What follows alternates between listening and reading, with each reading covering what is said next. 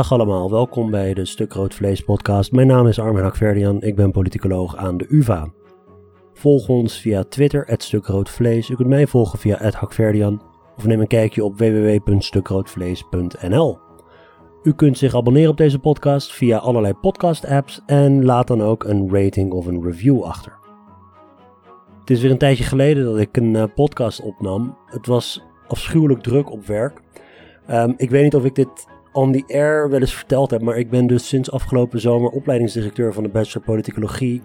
En uh, dat is niet altijd even makkelijk gegaan het afgelopen jaar. Uh, groeiende studentenaantallen, uh, teruglopende financiering, um, enorme werkdrukcrisis op de universiteit, allerlei uitwassen van die flexibilisering van de arbeidsmarkt. En dan kwam ook nog eens een keer corona eroverheen. Dus het was allemaal een beetje veel. er moest een hoop afgemaakt worden voor de zomervakantie begon. Maar um, hey, van de minister moeten we meerdere scenario's voorbereiden voor het komend jaar. En dan horen we dus half augustus welke het wordt. Um, dus ja, ook de zomervakantie is naar de tering. Uh, zoals we uh, dat in Leiden zouden zeggen. Uh, anyway, um, genoeg gemopperd. Ik ga eens kijken of ik deze zomer een beetje een, een inhaalslag kan maken met, met wat meer podcast. Over naar de aflevering van vandaag. In hoeverre bepaalt de plek waar je woont je politieke houdingen en gedragingen? Die vraag staat centraal in het promotieonderzoek van mijn UvA-collega Twan Huismans. Twan bekijkt eigenlijk twee geografische dimensies: stedelijkheid en um, de plek ten opzichte van het politiek-economisch centrum, vaak de hoofdstad. Dus die, uh, die tweede dimensie kun je ook wel de centrum-periferie-dimensie uh, uh, noemen. Twan vertelt met name over een recent onderzoek waarin hij vond dat uh, bewoners van de grootste steden zich politiek steeds meer onderscheiden ten opzichte van bewoners van de rest van het land. Twan is te volgen via Twitter, Twan Huismans. Ik zal in de show notes linken naar wat relevante stukken, zodat u die rustig kunt doorbladeren. Over naar Twan.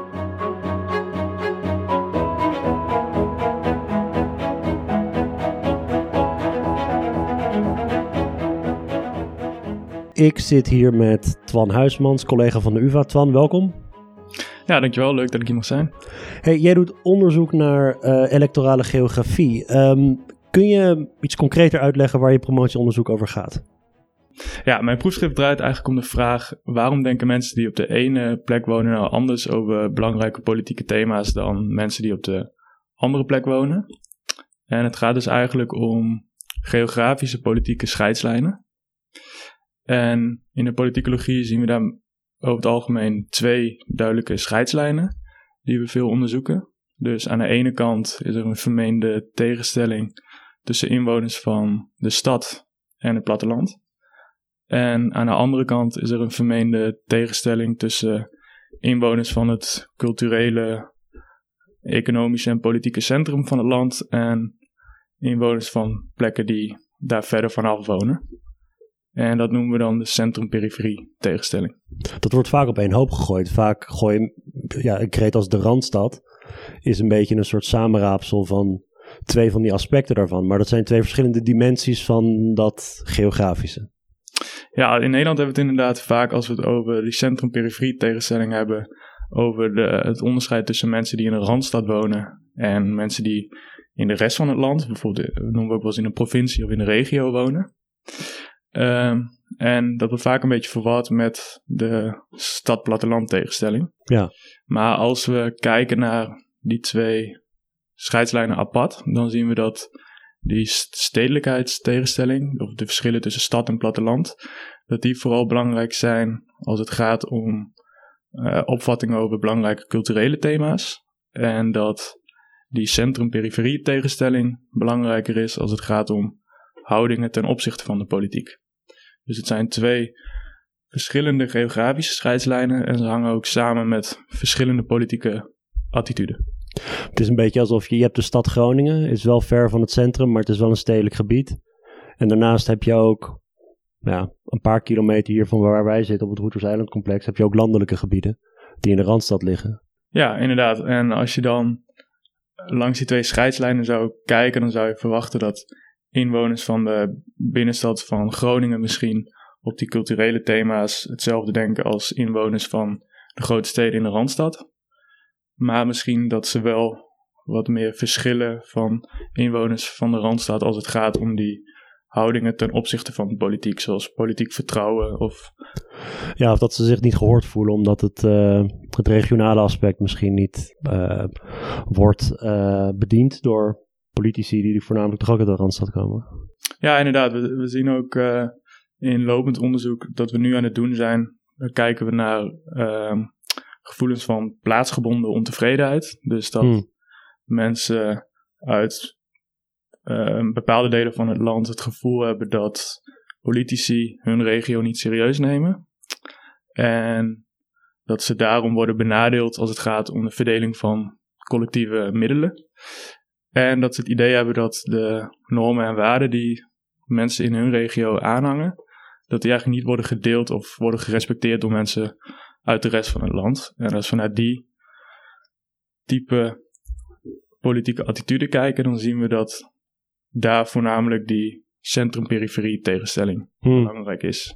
En, en wat trekt jou aan aan dit onderwerp? Waarom heb je besloten om hier vier jaar van je leven aan te besteden? Minstens vier jaar van je leven? Nou, dat is deels omdat ik uh, zelf ben opgegroeid in een klein dorpje in Overijssel, dichtbij Deventer. Uh, ik woon nu inmiddels een jaar of tien in Deventer zelf. Maar ik heb altijd gestudeerd in Utrecht en gewerkt in Amsterdam. Dus enerzijds uh, zie ik zelf ook wel eens die uh, verschillen. Dus daar komt persoonlijk eigenlijk mijn interesse vandaan. Ook, ook bij familie of vrienden van weleer? Ehm, nou ja, ik, ik, merk natuurlijk wel als, als ik met collega's of mensen hier in Amsterdam praten over bepaalde onderwerpen, dat ze er gemiddeld genomen misschien anders tegenaan kijken dan als ik dat met andere mensen doe vanuit mijn woonomgeving. Hmm. Um, dus dat is deels een persoonlijke interesse. Maar aan de andere kant uh, is het ook op het moment dat ik met mijn proefschrift begon, was het wel een vrij actueel thema in het publieke debat. Ja. Want in het najaar van 2019 ben ik begonnen en toen zagen we toevallig ook de, die boerenprotesten. In de, van Den Haag tot, tot in de stad van Groningen. En ieder najaar heb je ook inmiddels traditioneel de Pieterdiscussie. Uh, die wordt ook vaak ge, beetje geframed in die stad-platteland tegenstelling. Zeker naar wat er in, uh, op de snelweg in Friesland toen is gebeurd. Um, dus op het moment dat ik met mijn promotieonderzoek begon, had ik ook het idee dat het wel een actueel thema was. Ja, en je ziet, je ziet het wel, uh, denk ik, de afgelopen jaren ook bij verkiezingsavonden, waar dan ook. Uh, dan zie je van die verkiezingskaartjes. En je kunt eigenlijk, als je een land niet zou kennen, uh, dan kun je eigenlijk aan de kleurtjes op zo'n kaart zien waar de steden zijn.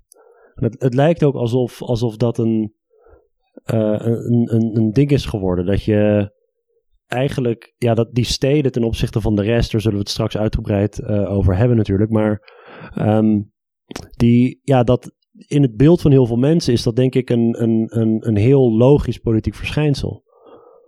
Uh, je kunt ook in Nederland, als je naar die referendumkaarten kijkt van, uh, weet ik van wanneer was het ook alweer, de grondwet was 2005 en dan heb je het Oekraïne-referendum, misschien sleepwet-referendum ook. Als je gewoon kijkt naar de, naar, naar voor's en tegens en zo, je, je kunt zo, bij, ja eigenlijk de universiteitssteden bijna, die, die, die pik je er zo uit. Ook al weet je niet dat dat, het is een verkiezingskaart, het is geen geografische kaart, maar die steden, ja. die zie je erop. Nee, dat klopt. Uh, komen er zo nog verder op uh, terug, denk ik. Maar in lopend onderzoek heb ik nu gekeken naar, vooral als het gaat om die stad-platteland, tegenstelling naar uh, houdingen over belangrijke culturele thema's. En dat noemen we dan eigenlijk uh, cosmopolitisch-nationalistische onderwerpen.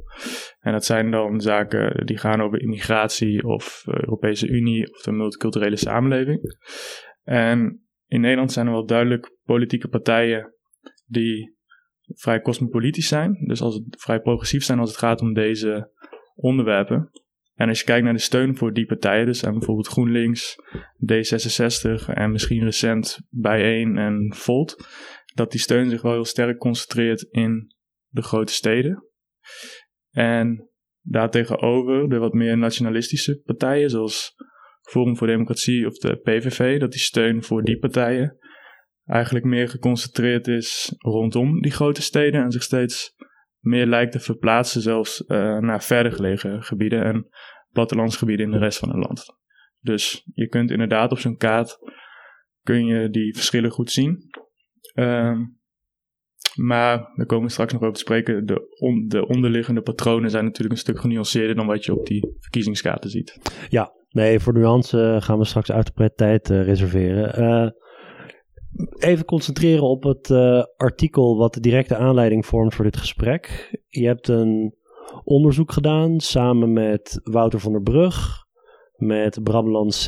en Ilko Hartenveld. En dat gaat over de ontwikkeling van houdingen in Nederland onder mensen die dus in verschillende plekken wonen. Waarom schreven jullie dat artikel?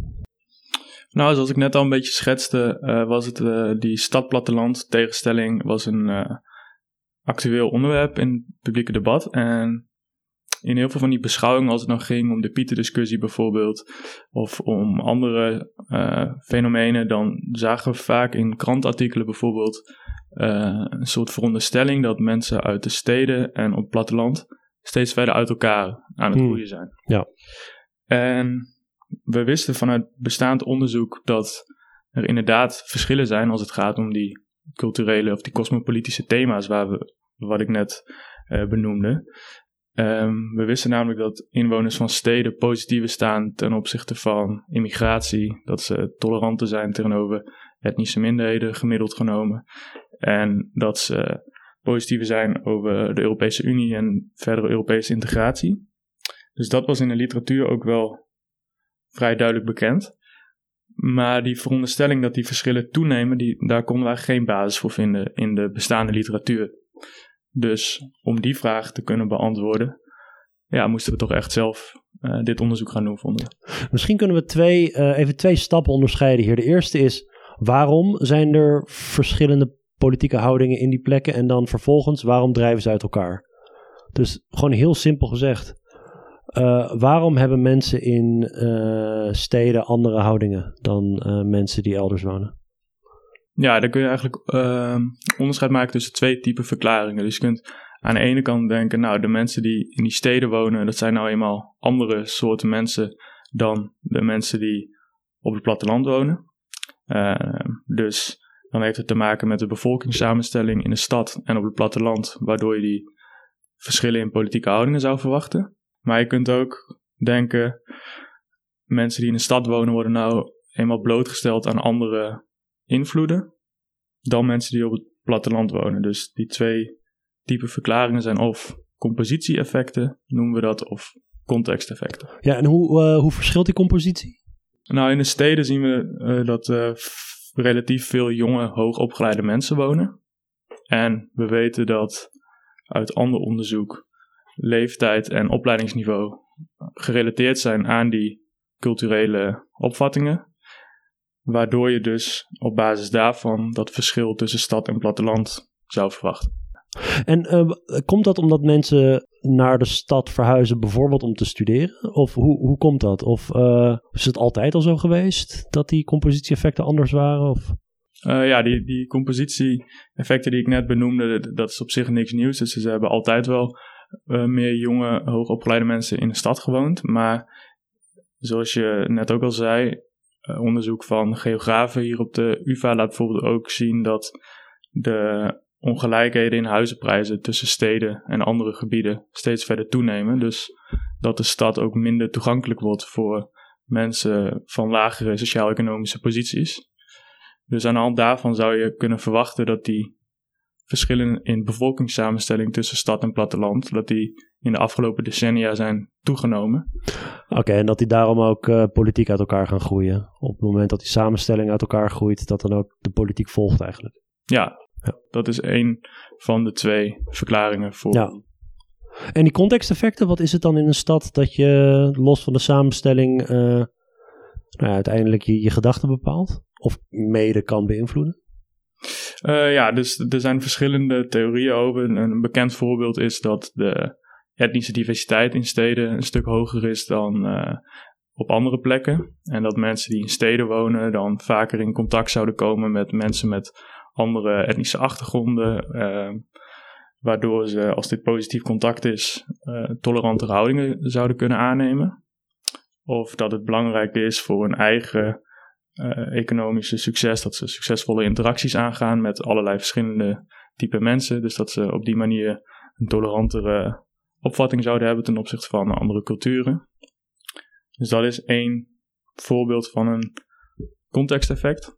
Um, en steden verschillen ook economisch gezien van andere plekken. Dus veel grote steden zijn uh, centra geworden van kenniseconomie. Uh, waardoor mensen die daar wonen relatief gezien sterker profiteren van allerlei effecten van globalisering dan mensen die op andere plekken wonen. Kun, kun je een voorbeeld van geven?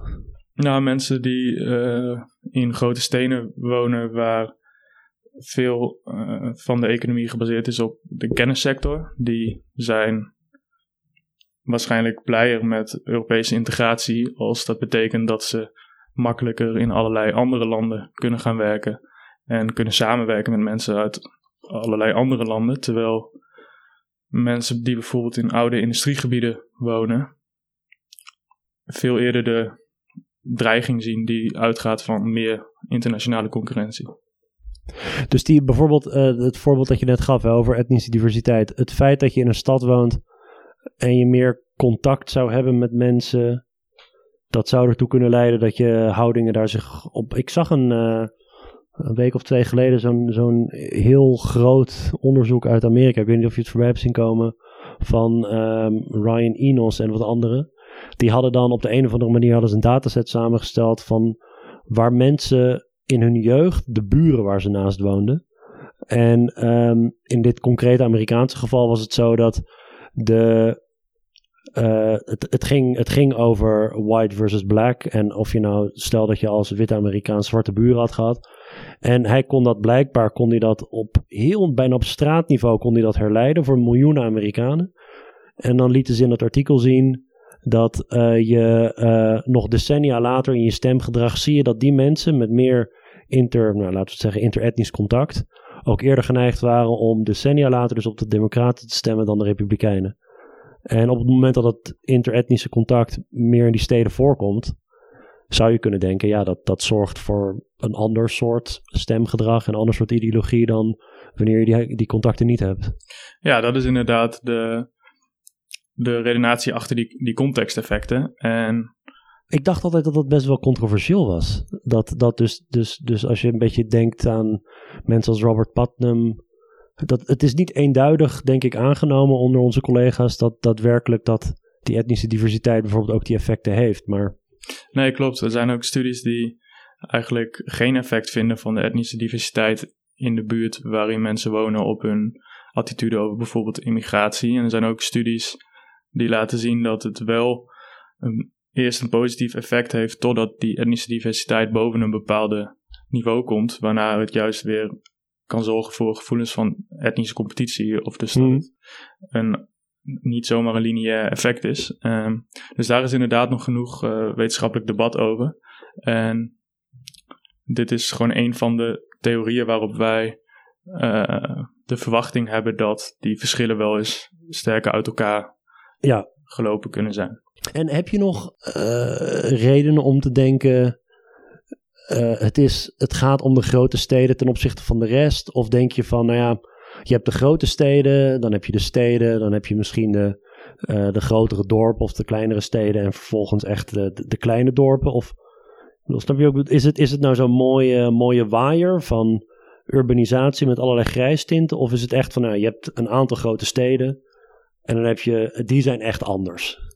Had je daar vooraf nog ideeën over? Nou, vooraf hadden we het idee dat het wel um, dat we die toegenomen verschillen eigenlijk tussen al dit soort verschillende plekken wel zouden kunnen vinden. Maar voor elke theoretische reden die we hadden waarom we dat verschil zouden vinden, zagen we ook dat het misschien het meest van toepassing zou zijn in die grote steden. Dus als je het hebt over dat de steden vooral jonge, hoogopgeleide mensen uh, hebben, dan geldt het natuurlijk vooral voor grote universiteitssteden. Um, en als je het hebt over toegenomen etnische diversiteit in steden over de afgelopen decennia, dan concentreert dat zich ook vooral in de, echt in de grote steden. Hmm, ja. Misschien laten we, laten we dan gewoon even kijken naar uh, hoe je dit allemaal in hemelsnaam onderzoekt. Dus wat voor soort data heb je nodig om dit nou goed te kunnen in kaart te kunnen brengen? Ja, we hebben in Nederland het geluk dat er al decennia lang goed uh, vragenlijstonderzoek gedaan wordt. En dat dat onderzoek op zo'n manier wordt gedaan dat eigenlijk in iedere jaargang ongeveer op dezelfde manier aan mensen wordt gevraagd hoe ze over bepaalde politieke thema's denken. En die data die hebben wij gebruikt om die langlopende trends dus te onderzoeken. En de, de twee datasets die we daarvoor hebben gebruikt, die zijn van het Nationaal Kiezersonderzoek. En dat wordt al sinds de jaren 70 rondom Tweede Kamerverkiezingen gehouden. En voor ons specifieke interesse konden we de jaargangen van 1994 tot de Tweede Kamerverkiezingen van 2017 gebruiken. En de andere onderzoeken die we hebben gebruikt zijn van het Sociaal Cultureel Planbureau. En dat heet Culturele Veranderingen. En dat wordt ook al sinds de jaren 70 eigenlijk ieder jaar afgenomen. Hmm. En, en hoe meet je uh, waar, dus die ja, urbanisatie, zeg maar? Dat, uh, dat lijkt me de cruciale variabele hier. Ja, inderdaad. En die is gemeten op de manier waarop het CBS stedelijkheid definieert. En dat is door middel van vijf categorieën. Op basis van de adressendichtheid in een gemeente. Dus we maken dan onderscheid op de manier die het CBS doet tussen vijf categorieën. Dus aan de ene kant heb je de zeer sterk stedelijke gemeenten. En dat zijn eigenlijk gewoon de grote steden. Dus Amsterdam, Rotterdam, Utrecht, Den Haag, Eindhoven en Groningen. En helemaal aan de andere kant heb je dus de plattelandsgemeenten. Maar daartussenin zijn dus nog drie categorieën met verschillende gradaties van stedelijkheid. En de manier waarop dat is gemeten is ook belangrijk voor de uitkomsten straks. Maar daar komen we zo nog wel even op terug. Eh, nou, maar, maar is het dan zo dat je uh, in die enquêtes vraagt aan mensen of ze in een stedelijk gebied wonen? Of weet de onderzoekers die weten waar die mensen wonen, ze gaan verder, maar dan gaat het om weet ik veel hoeveel mensen er in een straal van zoveel kilometer om je heen wonen of zoiets. Het is een objectieve maat van urbanisatie. Ja, het is een objectieve maat inderdaad. Dus dat wil zeggen dat de mensen die op dat moment die vragenlijsten hebben afgenomen, zelfs in de jaren zeventig al, dat die wisten waar al die respondenten woonden. Hmm, ja. En in de datasets zit dus die maat van stedelijkheid op gemeenteniveau. En wat wel belangrijk is om misschien even te zeggen, is dat wij nu niet weten waar die mensen woonden. Nee, nee. Wij weten alleen de stedelijkheid van de gemeente, maar we weten niet in welke gemeente die mensen wonen. Want dat is vanwege datareden uh, niet, uh, niet openbaar. Ja, in de publiek toegankelijke data is dat niet uh, nee. opgenomen. Misschien maar goed ook. Oké, okay, dus dat is, dat is belangrijk. Dan heb je die verschillende categorieën van stedelijkheid. Um, en dan, het gaat dus even niet over die, die center-periferie. Ja, het gaat inderdaad alleen om die stad-platteland scheidslijn, maar we zien het dus niet als echt een kloof tussen stad en platteland. Maar we gebruiken dus die vijf categorieën, waardoor we wat gedetailleerde onderscheid kunnen maken. Ja, uh, ja precies. En die uh, houdingen gingen over Europa, immigratie. Uh, mis ik er een? En ja, de culturele samenleving en tolerantie ten opzichte ja. van etnische minderheden. Ja, dus laten we zeggen Europa en de multiculturele samenleving. Um, en dan, hoe ga je dan te werk? Nou, we hebben dus al die jaargangen van die vragenlijsten, die hebben we dus gehercodeerd, zodat ze over de tijd mooi vergelijkbaar zijn. Um, en wat we toen gewoon hebben gedaan, is gekeken hoe verschillen die vijf stedelijkheidscategorieën nou in de gemiddelde politieke houdingen die we zien. En dat doen we dan voor ieder jaar. En we kijken dan wat is de trend in die verschillen. Dus worden de gemiddelde verschillen tussen die grote steden aan de ene kant en het platteland en alles daartussenin aan de andere kant nou steeds groter over de tijd, of niet? En uh, je hebt dus bij, bij die ene dataset gaat het tot de jaren 70 zelfs. Vind je in de jaren 70, zonder even te kijken naar de tijd heen, dat toen ook al er, uh, laten we zeggen, statische verschillen waren tussen die verschillende categorieën? Uh, we zien over het algemeen bij de meeste uitkomstvariabelen die we hebben gebruikt, zien we dat in de jaren 70 die verschillen er eigenlijk nog niet waren. Oh. Vanuit aanvullende analyses heb ik ook nog even gekeken naar andere soortige opvattingen, dus over wat meer oudere culturele issues.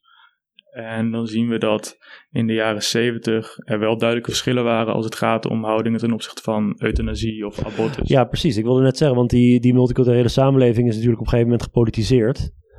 Ehm, ah ja, dus, ja, nee, goed, oké. Dus dat, dat, ik, het zou een misleidende conclusie zijn om te zeggen... er waren geen politieke verschillen tussen, tussen die verschillende urbanisatiegebieden. Maar het komt gewoon door, door, het, uh, uh, door, de, ja, door de politieke door het politieke onderwerp dat je bekijkt. Ja, als we gewoon puur naar de, naar de studie die we nu bespreken kijken, dan zou je misschien zeggen van oké, er was nog geen kloof tussen sta, stad en platteland, maar die is pas later ontstaan, omdat wij dus alleen naar die cosmopolitische thema's kijken. Maar als je dus naar alle andere soortige houdingen ook had gekeken, dan zou je misschien ook kunnen zeggen dat er altijd wel verschillen zijn geweest, maar dat de interpretatie van die verschillen gewoon verandert ja. naar aanleiding van hoe gepolitiseerd bepaalde onderwerpen zijn. En um, wat vind je uiteindelijk uh, als het gaat om die uh, divergentie? Nou, over, over, het algemeen vinden we dus brede steun voor die hypothese dat inwoners van meer stedelijke gemeenten en minder stedelijke gemeenten steeds meer van elkaar zijn verschillen als het gaat om die politieke houdingen die wij hebben onderzocht. En dat houdt dus in dat inwoners van steden positiever zijn over immigratie en de Europese Unie, zeg maar. En dat die verschillen steeds groter zijn geworden over de tijd. Maar eigenlijk zijn er drie belangrijke onderliggende bevindingen die misschien interessanter zijn. Want we vinden dus die toegenomen verschillen ook als we rekening houden met de achtergrondkenmerken van mensen in steden en op het platteland. Dus die toegenomen verschillen die we vinden, die kunnen we niet helemaal toeschrijven aan veranderende bevolkingssamenstellingen. Oké, okay, dus die, conte die context die is belangrijk. Ja, dat impliceert dus dat we ook moeten kijken naar uh, wat is er dan in die contexten veranderd waardoor mensen nu anders beïnvloed worden die in steden wonen ten opzichte van 40 jaar geleden. Maar dat konden we dus met de data die we voor dit onderzoek hebben gebruikt, konden we dat niet testen. En waarom kon dat niet? Omdat we niet wisten in welke gemeente ja. die mensen woonden. Ja, okay, ja, ja, dus je wil voor uh, respondent uh, A wil je eigenlijk weten of die nou in een uh, multiculturele context woont of niet. En dat kan niet met deze anonieme data. Nee, precies. Dat is jammer. ja, dat is weer wat voor, voor een volgende. Ja, dat, dat, dat komt dan nog, ja. En een tweede onderliggende bevinding die belangrijk is, is dat die toegenomen verschillen dat, we, dat die het meest uitgesproken zijn als je kijkt naar de grote steden aan de ene kant en de vier andere categorieën aan de andere kant. Dus tussen die vier minder stedelijke categorieën zijn de verschillen niet zozeer toegenomen, maar er is wel een duidelijke toename van het verschil tussen die inwoners van de echt grote steden en de rest. Kun je nog één keer zeggen welke grote steden dat waren? Dat zijn dan Amsterdam, Rotterdam, Den Haag, Utrecht, Groningen en Eindhoven. Oké. Okay. Het is wel interessant, want dan heb je dus steden als Leiden, Delft, Wageningen, noem maar op, een aantal andere universiteitssteden. Die, die, die zijn niet bij die eerste categorie. Nee, die vallen dan net in die tweede stedelijkheidscategorie. En... Ja, maar ik bedoel ook bij, qua politieke ontwikkeling volgt die groep meer lijn van, de, uh, van het platteland dan van, van de grote steden. Nou ja, die, dat zijn niet de enige steden die in die tweede stedelijkheidscategorie zitten. Nee, dus er zullen allerlei andere type steden ja. waar geen universiteiten zijn, uh, zullen de meerderheid zijn in die categorie. Ja. En het is ook niet zo dat we helemaal nergens een toename vinden tussen, van verschillen tussen die overige categorieën. Maar over het algemeen is de toename van verschillen gewoon echt het duidelijkst tussen die grote steden aan de ene kant en de andere categorieën aan de andere kant. En de derde onderliggende bevinding die interessant is, is dat die toegenomen verschillen dus niet komen omdat mensen op het platteland of in die andere gebieden nou nationalistischer zijn geworden. Maar het komt echt doordat mensen in de grote steden steeds cosmopolitischer zijn geworden. Dus het is geen kwestie van een soort culturele backlash of terugslag op het platteland. Maar echt een kwestie van een steeds cosmopolitischer wordende stedelijke bevolking. Ja, en um, wat, wat verbaast je het meest aan die resultaten als je het vergelijkt met, met, met verwachtingen die je had? Um, nou, de, de wat eigenlijk meest opvallend is, is, is dat we dat duidelijke patroon vinden in een land als Nederland, wat eigenlijk vrij dicht bevolkt is en waar de afstanden tussen die grote steden en plattelandsgebieden relatief klein zijn. Dus ik had niet verwacht, want veel theorieën over dit onderwerp zijn ook gebaseerd op buitenlands onderzoek in de Verenigde Staten of het Verenigd Koninkrijk. En dat we die patronen ook zo duidelijk in Nederland zouden vinden, dat is misschien wel een reden om aan te nemen dat als we in andere landen zouden kijken, dat we dat nog veel sterker zouden vinden.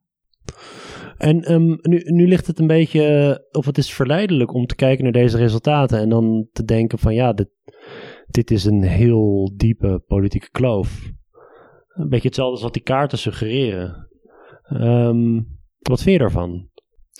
Nou, um, wat inderdaad belangrijk is om te zeggen, is dat als je alleen kijkt naar stedelijkheid, dat er echt maar een relatief klein deel van de verschillen in politieke houdingen tussen individuen wordt verklaard.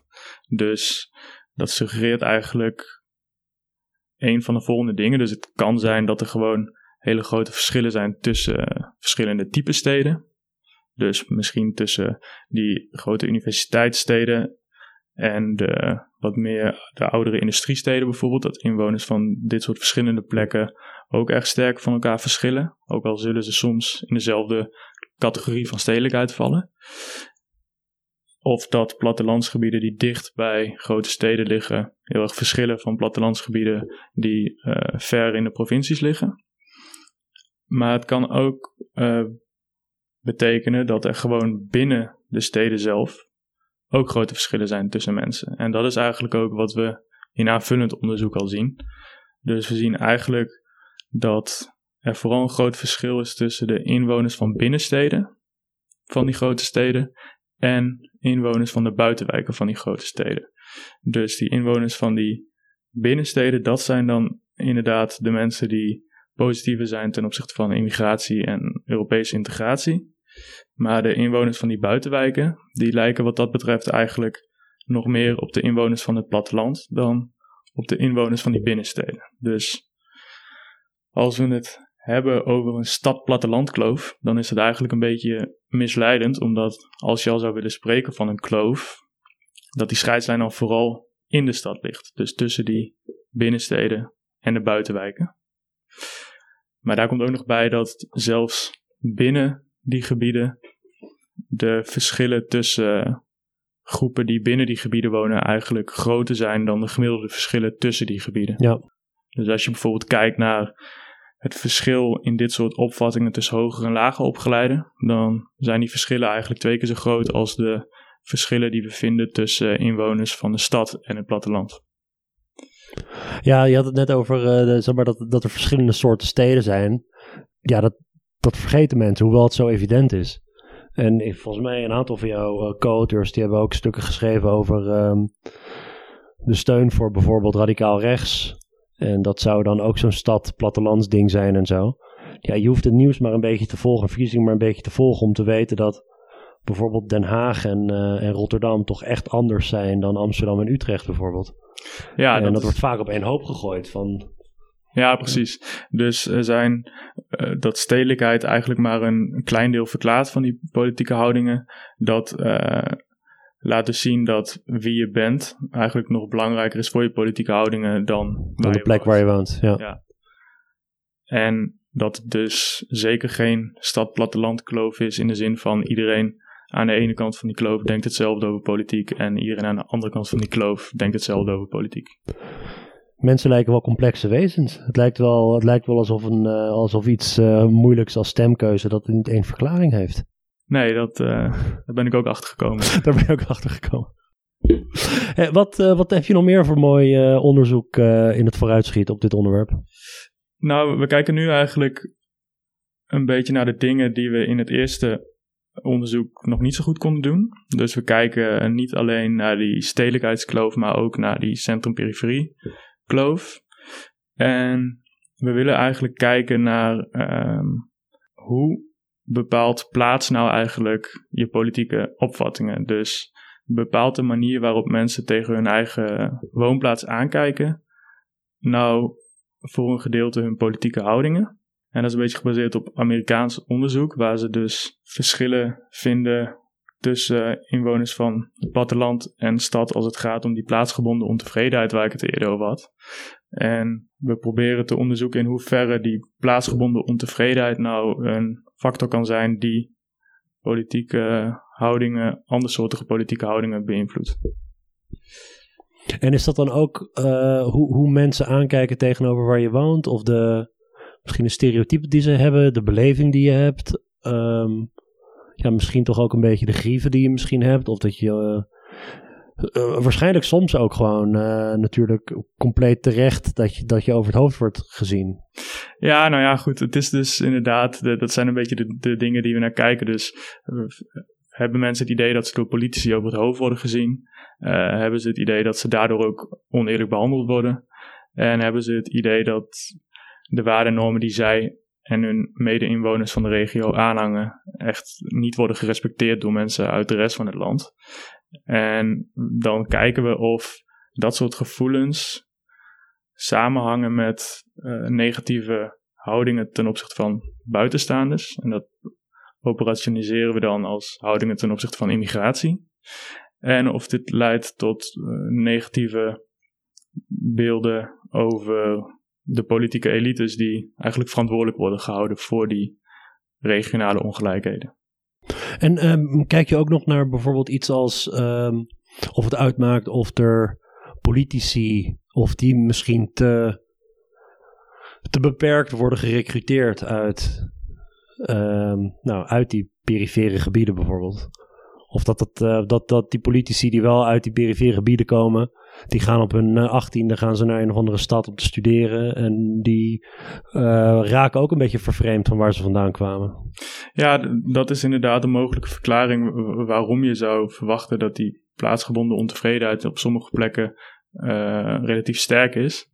En een van de implicaties eigenlijk van dat eerste paper wat ik heb geschreven en waaruit blijkt dat die grote steden dus afdrijven van, van de rest van het land, is wel dat wij als academici bijvoorbeeld, maar ook misschien journalisten en politici, ons ervan bewust moeten zijn dat de plekken waar wij ons het grootste gedeelte van de tijd bevinden, dus die grote steden, dat dat dan niet eigenlijk de norm is, uh, maar meer de uitzondering als het hmm. gaat om die cosmopolitische opvattingen.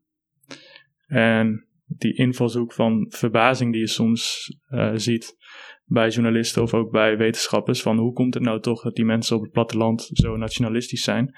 Dat die invalshoek niet helemaal recht doet aan de patronen die we dus uh, zagen in dit onderzoek. En het zou kunnen dat mensen uit gebieden buiten de grote steden dat ook zo interpreteren. Ja, ja, en het werkt dus twee kanten op. Dus, dus het feit dat jij zegt dat bijvoorbeeld die, die verschillen binnen die, die steden, die binnenring en die buitenschil bijvoorbeeld, dat dat, dat, dat ook eigenlijk uh, heel andere uh, mensen zijn. Het, het overeenkam, eigenlijk, kijk, eigenlijk is het heel simpel. Je moet niet generaliseren. Ja, dat Dingen over één kam scheren. Er zit altijd onder de oppervlakte zitten er altijd allerlei soorten interessante nuances die verloren gaan op het moment dat je denkt vanuit stereotypen. Ja, nou ja, ik, ik zou dus het eigenlijk een beetje zo samenvatten dat um, de plek waar je woont wel uh, een rol speelt in het vormen van je politieke houdingen. Um, omdat uh, de zorgen over waardering en erkenning en sociale status die mensen hebben, uh, nou eenmaal een belangrijke rol spelen in de formatie van politieke opvattingen. En dat de plek waar mensen wonen een van die dimensies is waarlangs mensen hun sociale status ja.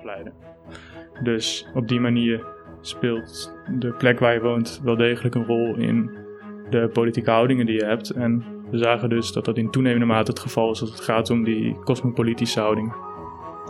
Twan, bedankt voor je tijd en voor de uitleg. Ja, graag gedaan. En u uh, bedankt voor het luisteren. Tot de volgende keer.